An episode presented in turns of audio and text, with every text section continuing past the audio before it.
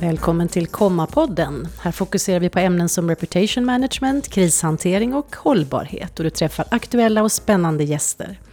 Dagens gäst har en rad olika uppdrag. Hon är ordförande för Storstockholms diabetesförening, ordförande i ECPAT och Patientförsäkringsföreningen och just nu även ordförande i Sankt Lukas. Hon ingår i styrelserna för Skyddsvärnet, Rädda Barnen Välfärd, Kristdemokratiskt internationellt center, Leading Healthcare och Famna. Emma Henriksson, välkommen till Komma-podden. Tack så mycket. Glömde jag något i uppräkningen nu? Ja, det gjorde du säkert. men, men eh, det är ganska många olika uppdrag jag har. Eh, jag har en anställning också eh, just nu som pågår fram till årsskiftet som är för Sveriges kommuner och regioner. Där jag jobbar med att ta fram en äldrestrategi.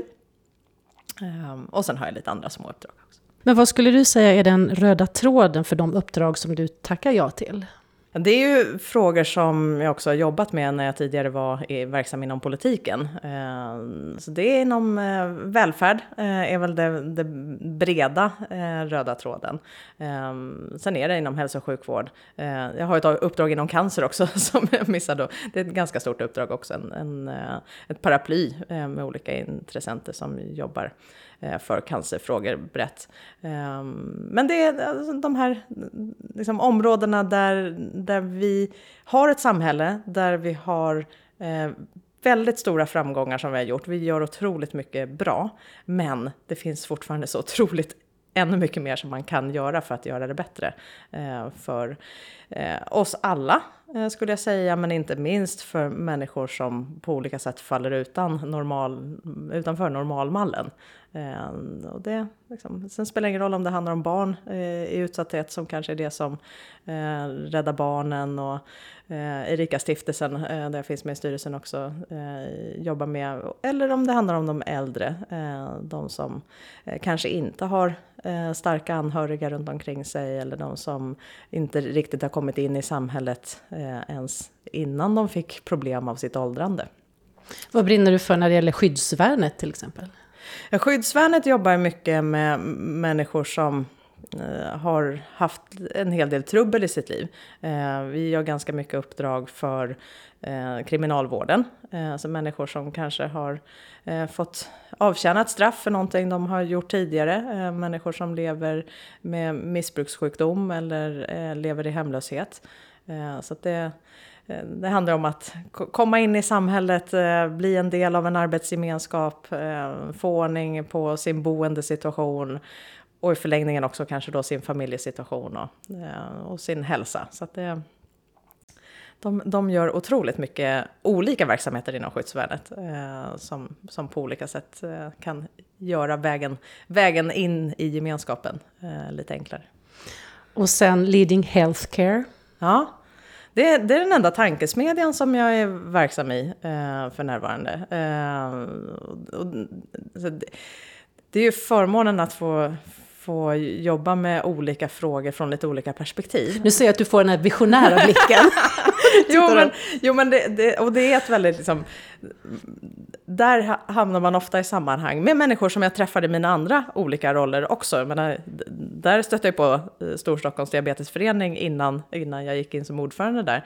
Eh, för de är en av de som är aktiva där. Men där, där pratar man om de här alltså, de stora knepiga liksom, perspektiven. Hur, hur organiserar vi hela liksom, sjukvårdssystemen för att eh, vi faktiskt ska dra nytta av våra gemensamma resurser på ett sätt som eh, vi var och en inte riktigt förmår. När man liksom, jobbar där ute i sin verksamhet eller när man sitter med det politiska mandatet och ska ta de stora eh, besluten så är man ändå lite för liten för att se riktigt hela, hela bredden av perspektiv. Och, och där kan de där olika intressenterna mötas och, eh, och kanske hitta, hitta nya former förhoppningsvis för hur vi, hur vi lyckas ännu bättre med det vi, det vi faktiskt på många sätt gör bra redan, men, men inte, liksom, inte lyckas kräma ur eh, all den potential som finns. Det låter som du har en, en positiv eh, grund, utgångspunkt. Jo, men det tror jag man eh, måste ha för att orka fortsätta slåss för förbättringar. Eh, att man tror att det är, är möjligt. Eh, skulle jag sluta tro på det, då skulle jag, då skulle jag börja ägna mig åt mina fritidsintressen helt och hållet istället. Många känner säkert igen dig från ditt arbete inom Kristdemokraterna, men du lämnar det politiska livet i samband med det senaste valet. Var det ett bra beslut?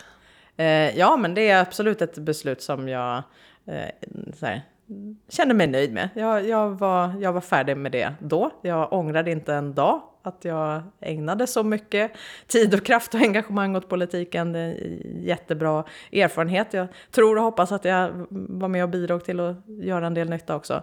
Ehm, men eh, den, det, det, var en, det var en fas, nu är det nästa.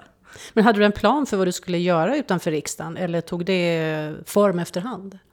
Ja, det håller väl fortfarande på att ta form skulle jag säga. Eh, ja, och jag hade väl egentligen, så här, jag har har nog aldrig haft någon jätteplan heller. Jag halkade ju in i politiken för att jag blev så arg när jag blev förälder väldigt ung och inte liksom, hade inte fattat att samhället var så bra för mm, liksom, genomsnittet men funkade så dåligt när man avvek från det där. Eh, så då var jag mest bara arg och ville vara med och förändra och så Ehm, ja, till slut så, eller till slut, ganska snabbt så, så fick jag förmånen att göra det i, inom ramen först lokalt i politiken i Huddinge och sen eh, på landstinget eller regionen som det heter nu då. Eh, och sen i riksdagen. Eh, och så gjorde jag det så länge jag kände att jag kunde bidra där och hade förutsättningar att bidra där. Eh, Sen kände jag att nej, det var dags för något annat, men visste inte vad, utan det, det, får, det får komma lite som eh, det kommer. Och jag har ju haft den otroliga förmånen att få, få väldigt intressanta frågor eh, och få fortsätta jobba med sånt som jag eh, tror att jag förhoppningsvis kan vara med och bidra på något sätt. I, Ja, och det är frågor som i allra högsta grad påverkar människor i, i vardagen.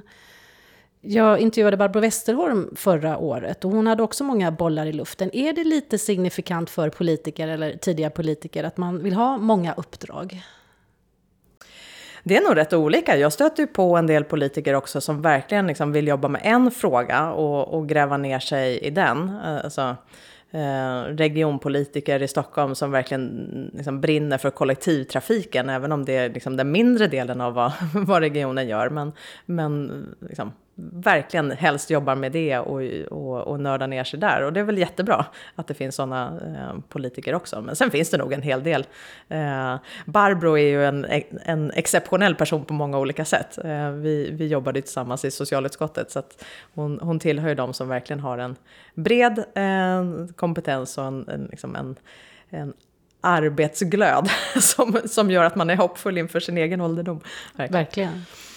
Och du nämnde det att du är talesperson för ett eh, globalt nätverk för hållbar cancervård i framtiden, All Can Ja, för den, för den svenska ja, delen. Det, eh, det, det finns ju internationellt också. Men... Och ett begrepp som, som blir allt vanligare det är hållbar vård eller hållbar sjukvård. Vad innebär hållbar vård? Jag tycker det där är ett lite svårt begrepp. Eh, men det är klart att hållbarhet generellt handlar ju om att vi ska förvalta de resurser vi har. Alltså både som människor och sen våra, våra gemensamma resurser. Eh, och att eh, en aspekt utav det, det är ju att, att tidigt jobba med hälsofrågorna. Eh, så att ta vara på människors hälsa Eh, inte bara stoppa ohälsan. Eh, så en, Hur gör vi det då? Eh, ja, det är ju jättesvårt.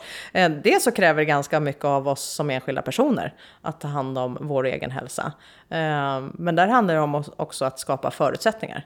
Eh, det, det, är inte så rackarns lätt att ta hand om sin hemma, hälsa om man lever i hemlöshet. Eller att äta nyttigt om, om du liksom måste vända och vrida på pengarna och det faktiskt är så att det är billigare med läsken med, med mjölk. Eh, så att som, hälsan, hälsan börjar långt innan du kommer till sjukvården. Eh, den, den, den, börjar i, i mycket av det andra vi gör som eh, samhälle eh, och som det offentliga. Eh, alltså, både det vi gör gemensamt utan staten eller kommunens inblandning, men också det som är det offentligas ansvar. Eh, sen Sen är det ju här, i de enskilda delarna också, om man tittar på cancerfrågan till exempel, att, eh, att liksom, tidigt upptäcka en, en cancer som, som har angripit. Eh, att tidigt kunna införa när det kommer nya behandlingsmetoder eller nya mediciner eh, så att det kommer patienterna till del. Eh, därför att långs långsiktigt så, så är det en del av eh, hållbarheten. Eh, att personalen ska orka och få förutsättningar att, att göra ett bra jobb. För det är klart att eh, har du dåliga arbetsförutsättningar så ja, men det ökar riskerna för att du råkar göra fel eh, i din yrkesutövning. Eh, att du inte kanske riktigt orkar hålla humöret uppe. Eh, för det är inte alla patienter som alltid är trevliga och beter sig precis som, som man skulle önska. Ehm, men också att du själv mår bra och att du själv orkar ta hand om din egen hälsa eh, även när du är vårdpersonal. Jag tycker när du beskriver det så, så kanske det ändå är ett bra begrepp, hållbar vård. Ja, absolut. Men, men det är ett ganska stort och brett. Eh, så att det, jag kan tänka mig att det finns ganska många olika tolkningar av, av vad, vad man menar. Och med din bakgrund i politiken, kan du ta oss bakom kulisserna? Vad händer så här ett år före valet i det politiska spelet? Jag tror att för de som är politiker så är det här den absolut värsta tiden. Eh, för att det är nu, eh, liksom, nu har man inte partikompisar. Nu har, man, eh, nu har man folk man slåss med för att komma på listorna. Eh, och det är klart att man har partikompisar också, men det är väldigt mycket knivar. Positionering. mycket positionering, mycket långa knivar i ryggen, eh, liksom, skitsnack, smutskastning för att, så att säga, prata ner någon annan för att själv eh, slå sig fram eller för att eh, skapa en bättre position för den man vill eh, föra fram. tror att det är tyvärr nästan lika illa i alla partier. Eh, det brukar vara så här ett år före valet, det är då man eh, märker att folk eh, så här, eh, går kanske hellre och känna, käkar lunch med någon från ett annat parti därför att man, man känner vi är åtminstone inte konkurrenter just nu om det här. Eh, så det, det där är en av eh, politikens absolut sämsta sidor. Man ger sig in i politiken för att man vill vara med och göra någonting bättre. Man gör det tillsammans med andra i ett parti där man tycker att men, vi verkar ha hyfsat lika idé om vad det där bättre är och hur vi når dit. Eh, och sen är det de man ska slåss om när det är liksom, de interna prov, provvalen och nomineringstiderna. Eh, och rätt många människor har eh, tyvärr sidor som inte är så vackra i, i sådana sammanhang. Och det, det, jag tror det skadar politiken långsiktigt. Jag tror det här är ett av de stora problemen eh, som gör att människor väljer att lämna politiken därför att eh, man, man orkar inte med det här liksom, tjafset bakom, bakom kulisserna. Eh, Uh, inte minst liksom, det, på lokal och regional nivå uh, förekommer det mycket sånt. Och där kan ett, ett rykte kan ganska snabbt, i ett lo, litet lokalt samhälle så kan ju ett rykte ganska snabbt uh, sabba liksom, i familjelivet och privatlivet och det där är, det är trist. Men är det något man får ta inom politiken eller kan ledningen göra någonting? Eller vad, hur kan man råda bot på det? Nej, men jag, eh, jag är hoppfull i det också. Eh, och, och, det är klart att det finns ju eh, så här, det finns ju betydligt fler som inte gillar det. Eh, även om en del kanske inte gillar det men ändå bidrar till det. Eh, men det finns ändå fler som tycker att det här är en dålig sida som man gärna vill jobba mot. Eh, men eh, jag upplever inte att det, liksom, det görs inte så mycket konkret för att jobba emot det. Och det är också svårt därför att så här, alla på alla nivåer inom alla partier är utsatta för det här och är en del av, av det här spelet. Och, eh, det är tyvärr inte alltid det lönar sig att, att eh, jobba så att säga renhårigt. Eh, att, att tala väl också om de som man kanske slåss om platsen med. Eh, det, det, kan göra att man drar det korta strået och sen får man inte plattformen och då, så här, då hjälpte det inte så mycket. Men, men så här, är det många som jobbar för det samtidigt så är det klart att det går att förändra det också. Eh, så det ja, man får ju bara fortsätta jobba för det. Eh, fortsätta premiera de som, som faktiskt inte ägnar sig åt sånt. Men det är också en period då när man inte har tentaklerna ute och fångar upp eh, frågorna där ute bland allmänheten. Jo, men det görs ju samtidigt. Jag menar nu, det har ju precis varit allmänna motionstiden i riksdagen. Eh, jag tror att det var ännu fler motioner nu än vad det har varit tidigare. Det brukar slå rekord, inte minst året före val. Eh, så att det, det, är klart att det sker mycket sånt arbete nu också. Inte minst, alltså vi kommer precis liksom lite mer ur den här mest intensiva fasen vi har haft hittills i varje fall i pandemin. Vilket gör att det går att röra sig igen. Riksdagsledamöterna får träffas fysiskt på utskottssammanträden och i riksdagens korridorer. Eh, och, och, det gör ju också att det går att göra fysiska studiebesök igen. Eh, träffa människor eh, i, i, i kön i matbutiken eller, eller när man, man besöker en verksamhet. Så det är klart att det görs mycket sånt också. Eh. Jag tänker man hör ofta om studiebesök också. Är det, vad är viktigast där egentligen när man är ute som riksdagsledamot? Är det att träffa personerna på plats? Är det att få en förståelse för en verksamhet? Eller vad, vad tar du med dig tillbaka när du varit på sådana studiebesök? Alltså det, ska du, pratar du med kommunikationsavdelningarna på partierna skulle de säga det är att, det är att komma ut i media när du gör ett studiebesök. Eh, och det är klart att för de mest profilerade, alltså partiledarna och, och så, så, så är det klart att det, eh, det görs inte mycket som inte också syftar till att få mediegenomslag. För det är ju ändå till slut där, det är så väljarna eh, få veta. Liksom, tycker de något, något som är bra? Har jag förtroende för att de här kan faktiskt förändra samhället så som jag vill att det ska förändras? Eh, men rent alltså, för den enskilde liksom, lokalpolitiken eller riksdagsledamoten, många studiebesök eh, är ju det som bidrar till att man bygger på sin kunskap om de verksamheter man är satt att fatta beslut om. Eh, att få träffa de människor som blir berörda.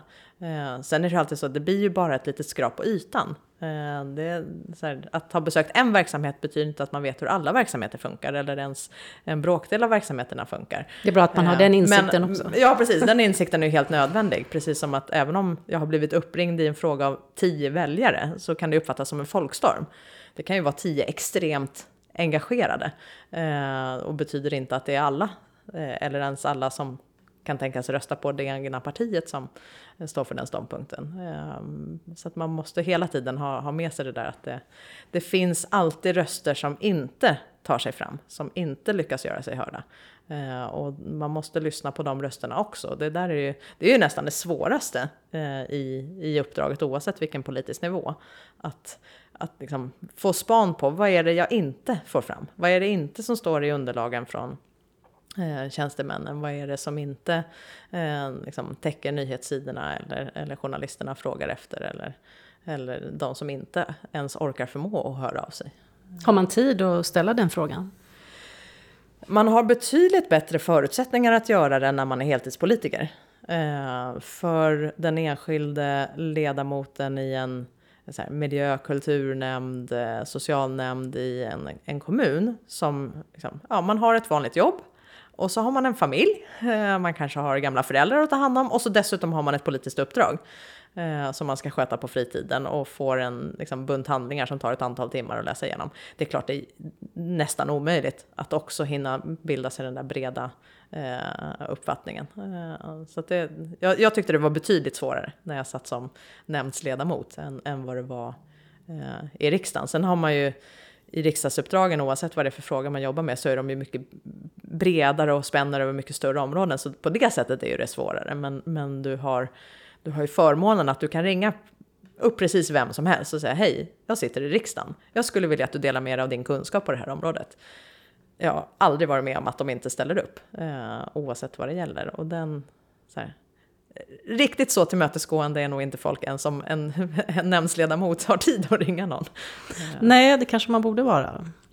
Eh, ja, nej men, eh, och, och, det är klart att liksom, det finns många som är tjänstvilliga då också, men det handlar om bristen på tid också. Men när någon från riksdagen ringer så, så vet ju folk att det här kan ju faktiskt påverka min vardag, så att då, då är det många som är extremt tjänstvilliga och, och rensa, rensa i almanackan för att man ska kunna få, få möjlighet att få till sig den kunskap som de har, eh, den del de har för att förhoppningsvis få bättre beslut så småningom. Vad skulle du ge för tips eller råd till de som eh, arbetar med opinionsbildning eller vill vara med och påverka samhällsdebatten eller samhällsutvecklingen? Jag tänker utifrån din plattform idag men också den eh, politiska plattformen du hade tidigare. Har du tre konkreta tips? Eh, men jag, jag, tror ju alltid att fakta är den bästa basen. Eh, alltså den, det är de som är satta att ta besluten har ju ofta väldigt mycket fakta man måste ta hänsyn till. Ehm, men det är inte alltid man har fått tillgång till all fakta. Så att, att alltså börja med att ha ett bra faktaunderlag. Eh, det, det är en bra grund. Eh, och sen insikten att de som, oavsett nivå, oavsett om vi pratar om en riksdagsledamot eller en generaldirektör, vi är ju bara människor. som har liv som pågår och, eh, och liksom ha den förståelsen att, att det är så här, eh, för det, de gånger jag hade svårast att ta till mig vad någon sa, det var när de, eh, om det kunde vara en enskild medborgare, när den inte hade respekt för att jag inte kunde svara på en gång därför att jag hade ett barn som liksom, ja, precis hade råkat ut för någonting. Eller sådär, att de, liksom, ja men du är vald av mig så du ska bara liksom släppa allt och så. Och så, så. Det är klart, man jobbar otroligt mycket och man släpper rätt mycket av det man kanske inte skulle vilja släppa. Men eh, här, har man den där insikten att det är vanliga människor man har med att göra och man kan prata med dem som, ja, så här. En trevlig ton hjälper alltid. Skälla på någon funkar. Det gäller ju alla andra sammanhang också. Eh, men det är väl eh, två viktiga saker. Och sen förståelse för att, att jag har ett perspektiv. Eh, det är väldigt få som ska försöka så att säga, tala för sin sak som har alla perspektiv samtidigt. Jag har ett perspektiv, det är det jag ska förmedla. Eh, och kan jag visa förståelse för hur andra perspektiv också kan påverka, eh, då är det ännu lättare att nå fram för det mesta.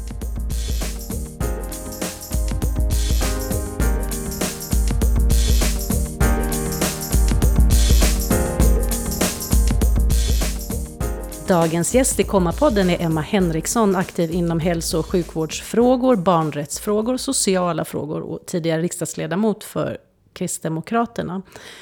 Du sitter i styrelsen för bland annat Rädda Barnen Välfärd och Leading Healthcare som vi nämnde och Famna. Vad brinner du för att göra i rollen som styrelseledamot som du inte kan göra som till exempel ordförande eller vanlig medlem? Mm. Eh, det är klart, det är ju många gånger lite bekvämare att vara styrelseledamot för man har inte riktigt liksom, mycket, lika mycket fullt ansvar, behöver inte hålla koll på riktigt eh, lika liksom, bred del av verksamheten. Eh, utan man kan få nischa sig på det som är ens, ens eget perspektiv och bidrag in i en styrelse. Ofta har man blivit rekryterad in just för att man, har, man kan tillföra någonting som de andra ledamöterna som är valda inte eh, har, har att tillföra.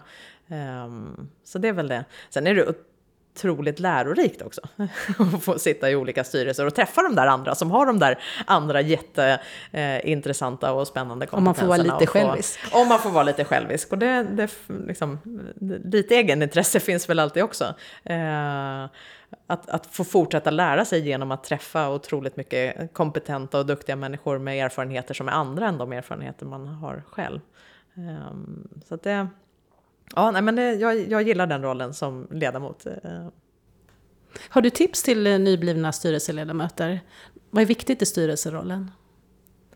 Ja, men jag tror att det är viktigt att, att gå in i uppdraget just med att det här handlar om ett, ett ömsesidigt intresse. Jag kan bidra med det jag kan, eh, men det finns också andra där som har väldigt mycket att bidra med och jag kan passa på att lära mig väldigt mycket eh, utav dem.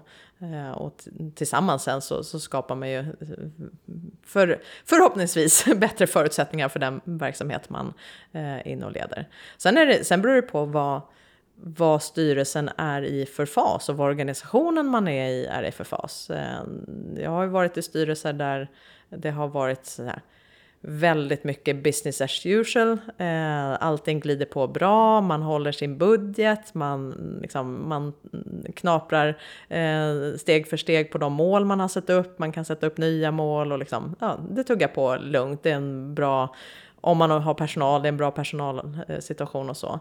Men jag har också varit i sammanhang där det är mycket som inte fungerar. Där det är liksom en organisation där medlemmarna inte går i takt, inte med varandra eller inte med ledningen. Eller där det liksom har varit jätteknepig personalsituation eller vad man har, ja, på olika sätt. Så det, och då måste ju en styrelse ha en helt annan roll. Eller om det är stora ekonomiska bekymmer. Eh, att man har en jättebra verksamhet men man har inte råd med den. Eh, då, då handlar det mycket om här, hur, hur kan styrelsen bidra till att få ordning på, på det ekonomiska. Kanske stötta ledningen i att ta jobbiga eh, organisatoriska beslut. Och, eh, ibland handlar det om rekrytering. Eh, det är en jätteviktig roll i den del styrelsen är inblandad i det.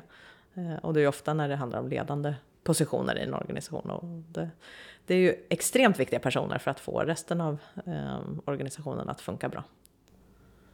Jag tänkte att vi skulle prata om eh, krishantering och media också. Hur förhåller du dig till media?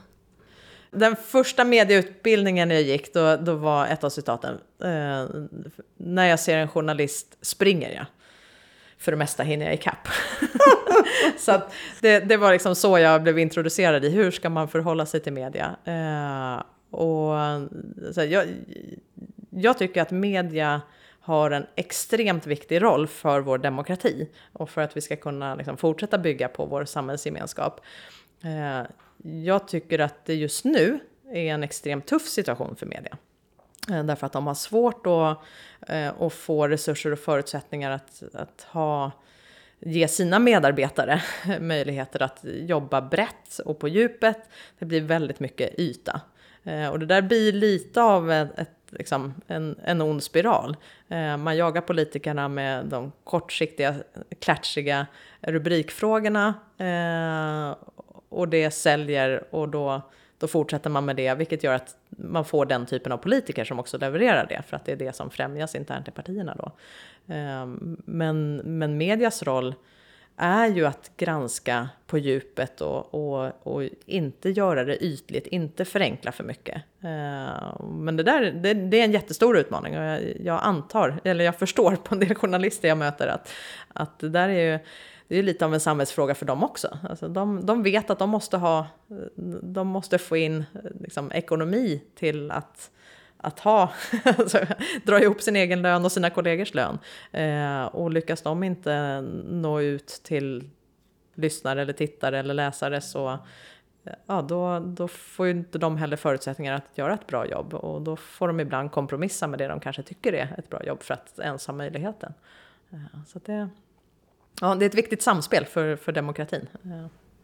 Jag kan säga att jag känner igen det där eh, citatet och eh, det är väl en av mina grundfilosofier också. Att eh, ändå se journalisten eller reportern eller media som en möjlighet. Mm. Sen får man göra jobbet också. Jo, men och även där är det ju så att det gäller att veta vilken är min roll och vilken är din roll. Så här, journalistens roll är ju inte att basunera ut mitt budskap, utan det är ju att, att så att säga, för de, de som är mottagare eh, få en bred bild och, och, och, förstå och förklara de sammanhang som händer. Och, och där är ju min roll att sälja mitt budskap. eh, men eh, eh, det, det, är ett samspel där, där man såklart är beroende av eh, journalisterna. Ehm, sen, sen, är det en svår avvägning det här. Man, här. Som politiker så blir man ju alltid beskylld för att man inte svarar på frågor utan man liksom eh, slingrar sig och så ibland beror det ju på att frågorna faktiskt inte går att svara på. Men rätt ofta är det ju lite av en liksom, skola också, att man ska, man ska liksom akta sig för att svara eh, på för mycket och det, det, kan alltid slå tillbaka och sådär. Jag tror att det egentligen är ganska bra med, med en öppenhet, men det förutsätter också att man kan lita på den eh, journalisten. Man bygger upp en typ av liksom, förtroenderelation också med, eh, med de journalister som jobbar eh, liksom nära den politiska verksamheten. Och, eh, jag vet eh, en av de första mediala grejerna jag eh, var inblandad i när jag kom in i riksdagen då hade jag liksom inte lärt mig den hårda vägen än. Men då var det en journalist som, som missbrukade det förtroendet genom att liksom sen göra en rubriksättning som, som blev ganska Eh, problematiskt. Det var ingen känslig politisk fråga. Men det var en känslig vad det politisk fråga. Ja, ja, det handlade om, eh, om mobbing eh, och, och, psykisk ohälsa och så. Eh, och han satte en eh, rubrik så att det var ett helsidesuppslag med riksdagsledamot ville ta livet av sig. Och det liksom relaterade tillbaka till, till saker i min barndom. Eh, det där fångades upp av text-tv, fast de tappade e Så det blev riksdagsledamot vill ta livet av sig. Och jag hade inte hunnit prata med mina föräldrar om det här. Eh, de hade liksom, ja men det var någonting som jag aldrig pratade med dem om under barndomen och jag hade inte pratat om det i vuxen. Så att det där blev ju ganska eh, tufft. Och, och, den journalisten hade ju inte förespeglat mig alls att det var så där det skulle presenteras, utan det var en helt annan liksom, story som hade sålts in. Eh, och då lärde jag mig att okej, okay, här får man, här måste man ha lite koll på hur de tänker använda eh, använda citaten. Och, eh, inte så att jag inte stod för något av det jag sa, eh, men sammanhanget blev ett sånt att det, att det blev eh, ja, det, det, blev några jobbiga samtal sen. Eh, mm, inte minst för mina förstå. föräldrar blev det jobbigt. Mm. Men du nämnde din första medieträning. Har det varit ett antal sen dess, under de politiska åren? Jo, men sen har jag liksom både liksom varit med eh, på en del och eh, varit med och hållit i en del eh, också. Eh, men den bästa medieträningen är ju att, att lyckas springa ikapp journalisterna och sen, sen faktiskt eh, liksom, kritiskt granska hur gick det här då? Hur, hur, lyckades jag med att nå ut med mitt budskap nu? Eh, och om jag inte lyckades, varför lyckades jag inte? Och så på ett igen. Ja, men det är bra. På ett igen och utvärdera. Mm. Och jag gissar att eh, i din roll som eh, gruppledare för riksdagsgruppen så fick du hantera ett antal mediekriser. Mm. Eh, ja, jag, jag funderade på det, eh, här, hur, hur mycket egentliga kriser var det? Jag, jag har inte varit med om någon jättestor mediekris för egen del, eh, men det var ju ganska många så här, intensiva mediehanteringar eh, där det var eh, så besvärligt läge och jobbiga frågor. Och, eh, jag jobbade med i socialförsäkringsutskottet när, när det var väldigt mycket om socialförsäkringarna och hur, hur det så här, hur människor eh, kommer kläm. Eh, och där var det verkligen liksom ett hårt mediatryck i en jättekänslig och svår fråga. Eh, där människor liksom blev personligt väldigt berörda. Så det, men jag skulle ändå inte säga att det var någon mediekris, det var inget, det var inget drev. Vad har du lärt dig om krishantering? Eh, ja, att, att ha sinnet kallt är väl det viktigaste när det, när det kommer en kris. Att, att eh, liksom sortera upp eh, vad, är, vad är viktigt nu? Hur, hur behöver man eh, så här, avskärma den som är Eh, drabbad eh, för att den ska kunna orka fortsätta fungera. Många gånger är det en person som ska fortsätta fungera i olika roller, sin professionella roll, sin familjeroll eller, eller så. Um, och, och, se vilken stöttning som behövs eh, runt omkring. Eh, att, att eh, ta hjälp av personer som kan hjälpa till om det är just ett mediadrev. Eh, men, men också i, i, hur man fortsätter fungera i vardagen. Vad behöver man praktiskt för att få det att funka? Eh, är det också en, en risksituation som uppstår med, med hot eh, eller så på grund av det här. Eh, ta, ta hjälp och stöd också i att hantera det. Eh, när det handlar om offentliga personer eller personer som blir offentliga i ett sådant sammanhang så, så kan ju det vara en aspekt som blir jätteviktig också. Eh, antingen för att det finns direkta hot eller för att det finns en, en så presumtiv eh, riskbild eh, när, när någonting blir väldigt offentligt. Vad tycker du om att göra när du inte arbetar? Ja, dels så har vi bor i ett väldigt gammalt hus, det är från slutet av 1700-talet, så att det finns alltid saker man behöver fixa med eh, där, både på huset och trädgården och så. Eh, men sen gillar jag att hålla på med lite olika kreativa saker, eh, liksom allmänt pyssel, eh, oavsett om det handlar om klä om möbler eller, eller sy, sygardiner eller eh, dreja eller hålla på med Tiffany-glas. Eller, jag liksom, ja, håller på med lite olika sådana diverse eh, saker. Ibland så jag är med i en kyrka och där brukar jag vara aktiv i barnverksamheten så där brukar jag få pyssla med barnen. Det är väldigt roligt också. De är ju så otroligt kreativa och hämningslösa.